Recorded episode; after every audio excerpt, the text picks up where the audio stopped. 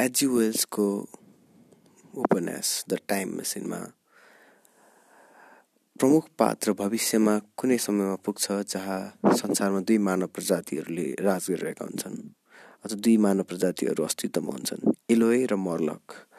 मर्लकहरू जमिन मुनि हुन्छन्। उनीहरू यति लामो समयदेखि जमिन मुनि बसिरहेका छन् कि उनीहरूको इभोल्युसन नै घाम अथवा उज्यालोसँग चाहिँ उनीहरू रेजिस्ट हुने गरेर अथवा उज्यालो सहन नसक्ने हुन्छ भने इलोयहरू सर्फेसमा छन्। उनीहरू गोरा छन् उनीहरू बढी माइन्ड कल इट घाममा धेरै अथवा उज्यालोमा धेरै बसेपछि के हुन्छ? अथवा चाहिँ अँध्यारोमा नबसेपछि के हुन्छ? पेल हुँदैनन् होइन अलिकति रिष्टपुष्ट हुन्छन्। Whatever the fuck that might mean. तर मर्लकहरू चाहिँ they are actually striving towards they are त्यो हुन्छ नि स्ट्रगल फर एक्जिस्टेन्स जस्तो होइन? तर इलोयहरू चाहिँ लेजी छन्। उनीहरूको सभ्यता चाहिँ यति पर्फेक्ट भइसकेका छ कि उनीहरू केही पनि गरेर छैनन्। अथवा उनीहरू यति कम्फर्टमा छन् कि उनीहरू केही पनि एउटा गर्न इच्छुक छैनन् केही नयाँ कुरा केही विकास केही अगाडि बढ्ने मानव लाइक प्रजाति मानव जातिलाई अगाडि बढाउने जुन एउटा सभ्यतालाई कसरी अगाडि लैजाने भन्ने कुरा they are so so at is हुन्छ नि। यो कुरा मैले किन भनेको भने मलाई आज चाहिँ दुईवटा पर्सनालिटीहरूको बारेमा कुरा गर्नु मन लाग्यो। जसको बारेमा मैले रिसेन्टली चाहिँ हेरेँ अथवा पढेँ र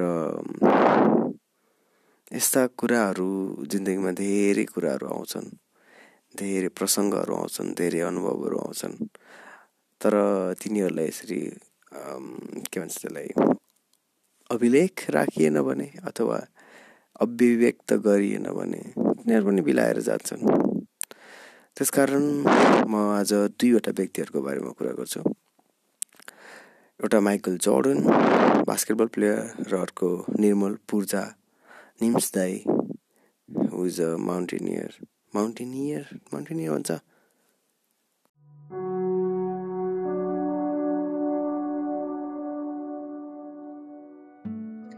कति बाँधिनु पुराना सोच पुराना विचारहरूमा? कति ठोकिनु पूर्व निर्धारित मान्यताका खुड्किलाहरूमा? कति बन्नु डेट एक्सपायर्ड विचारहरूको ग्राहक? कति बन्नु सानो साँगुरो कुवाको भ्यागुता आफ्ना विचारहरूलाई गरेर सम्बन्ध विच्छेद नयाँ दृष्टिकोणबाट संसारलाई हेरौँ। दिस इज यर अनम्यारिड हो सुदर्शन पौडेल आउनुहोस् अनम्यारिड आइडिया स्टार्ट गरौँ।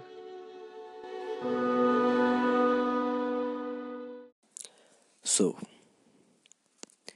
Michael Jordan came from a impoverished background, black guy obviously. अनि त्यसपछि उसको फ्यामिलीमा पनि दाईहरू भाइ एकदम धेरै थिए अनि त्यसै गरेर उनीहरूले चाहिँ खेल्दाखेरि चाहिँ माइकल जर्डन हार्थ्यो त्यसपछि गएर दाईहरूले चाहिँ चिट गरेर भए पनि जित्थे दाईहरू फुटबल के अरे बास्केटबल खेल्नमा पनि जान्ने थिए। अनि त्यसपछि निर्मल पूजाको केसमा पनि उसको दाईहरूको एज ग्याप ठुलो थियो। त्यसपछि गएर उनीहरू ब्रेस आर्मीमा भर्ती भइसकेको थिए। बाउ पनि आर्मीमा थियो। त्यस अथवा चाहिँ बाउ पनि आर्मी ब्याकग्राउन्डको। त्यसपछि उसलाई चाहिँ एउटा केही सजिलो पनि भनौँ होइन किनभने ब्रिटिस आर्मीमा गइसकेको छ भने म पनि जान्नलाई के के प्रोसेस चाहिन्छ के के मान्छेहरू चिनेको ट्रेनिङको लागि सजिलो तर पनि प्रेसर पनि हुने। अनि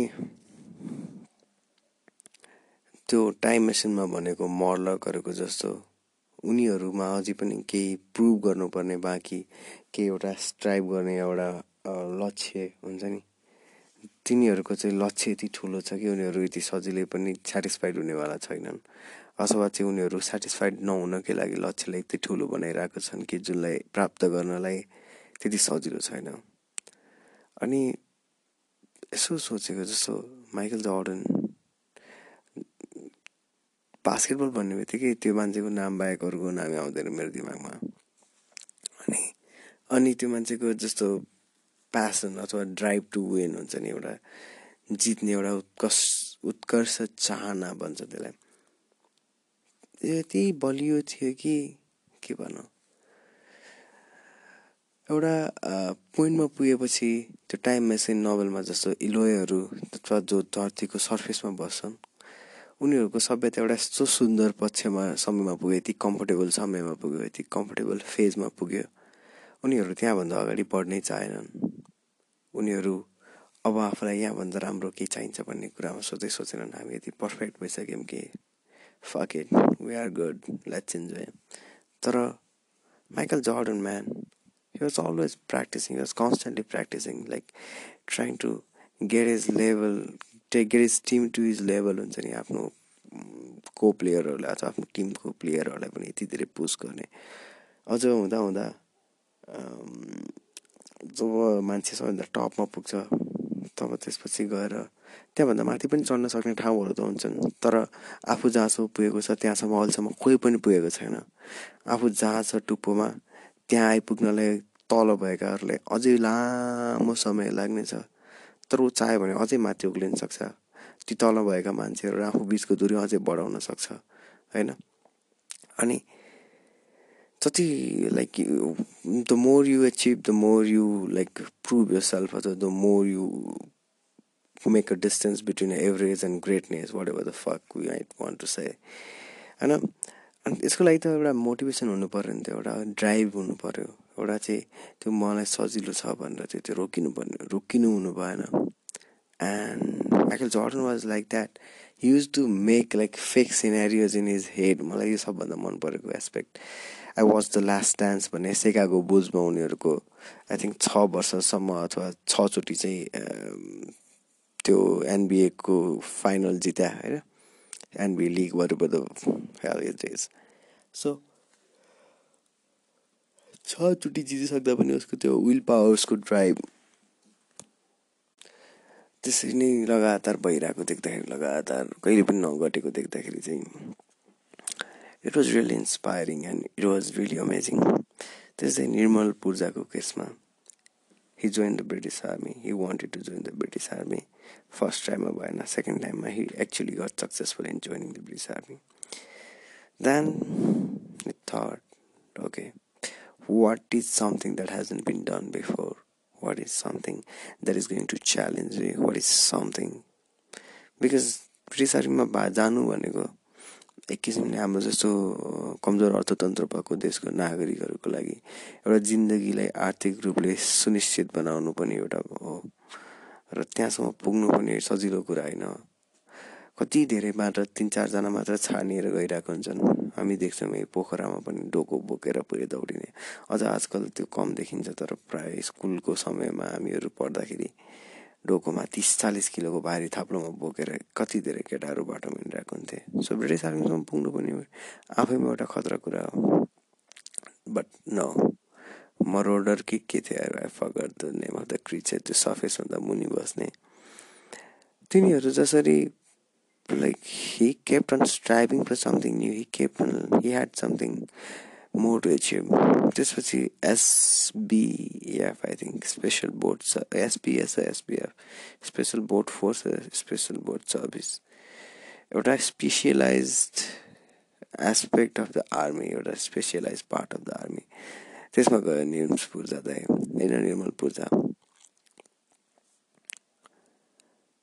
आई मिन त्यहाँ पनि पुरै एकदम खतरा ट्रेनिङ एकदमै हार्ड ट्रेनिङ शरीरलाई आफ्नो साइकोलोजीलाई पनि असर पार्ने लेभलको ट्रेनिङ गरेर त्यसपछि त्यो पोजिसन पनि एचिभ गरे।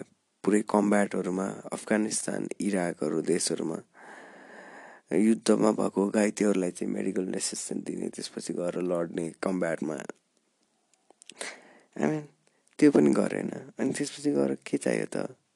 अब त्यो खतरा भइहाल्यो। अनि त्यसपछि फेरि उसलाई फेरि माउन्टेनियरिङको सोख माउन्टेन नचढेकोमा चाहिँ आफूलाई पश्चाताप भनौँ हिमालको देशमा चाहिँ अरूहरूले सोद्धाखेरि चाहिँ हिमाल चढेको छैन सधैँ पनि भन्दाखेरि चाहिँ ग्लानी अथवा बढेको द फक जे भए पनि एउटा त्यस द्याट इज नट इम्पोर्टेन्ट तर त्यस्तो कुराले उसलाई कसरी छोएर उसले फेरि के निर्णय लियो भन्ने कुरा के? अनि अरूले चाहिँ त्यसो भन्यो भनेर चाहिँ अब हिमाल चढ्छु भनेर लागेको छ। अनि लुकी लुकी भएर हिमाल पनि चढाएको छ। मान्छेहरू बचाएको छ। पुरै हिउँमा फसेको जो अवश्य पनि मर्नेवाला थियो होइन?